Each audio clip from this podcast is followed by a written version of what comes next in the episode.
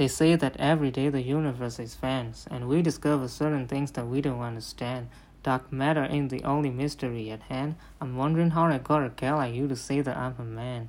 It's a statistical anomaly, gal, you got me. Gravity is pulling me to your heavenly body. No astronomical phenomenon could ever stop me. You got a smile that every star in the galaxy copy. The constellations couldn't make as beautiful a pattern. The conversations every night are ring you up like Saturn. The telescopes tell us folks that you're the coolest view. A supernova scooting over to make room for you. Cause you eclipse every wonder of the cosmos. It's almost unfair to them, but you're the one I want most. It's a miracle that Galileo never found you.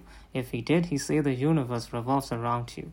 Fly me to the moon and let me play among the stars.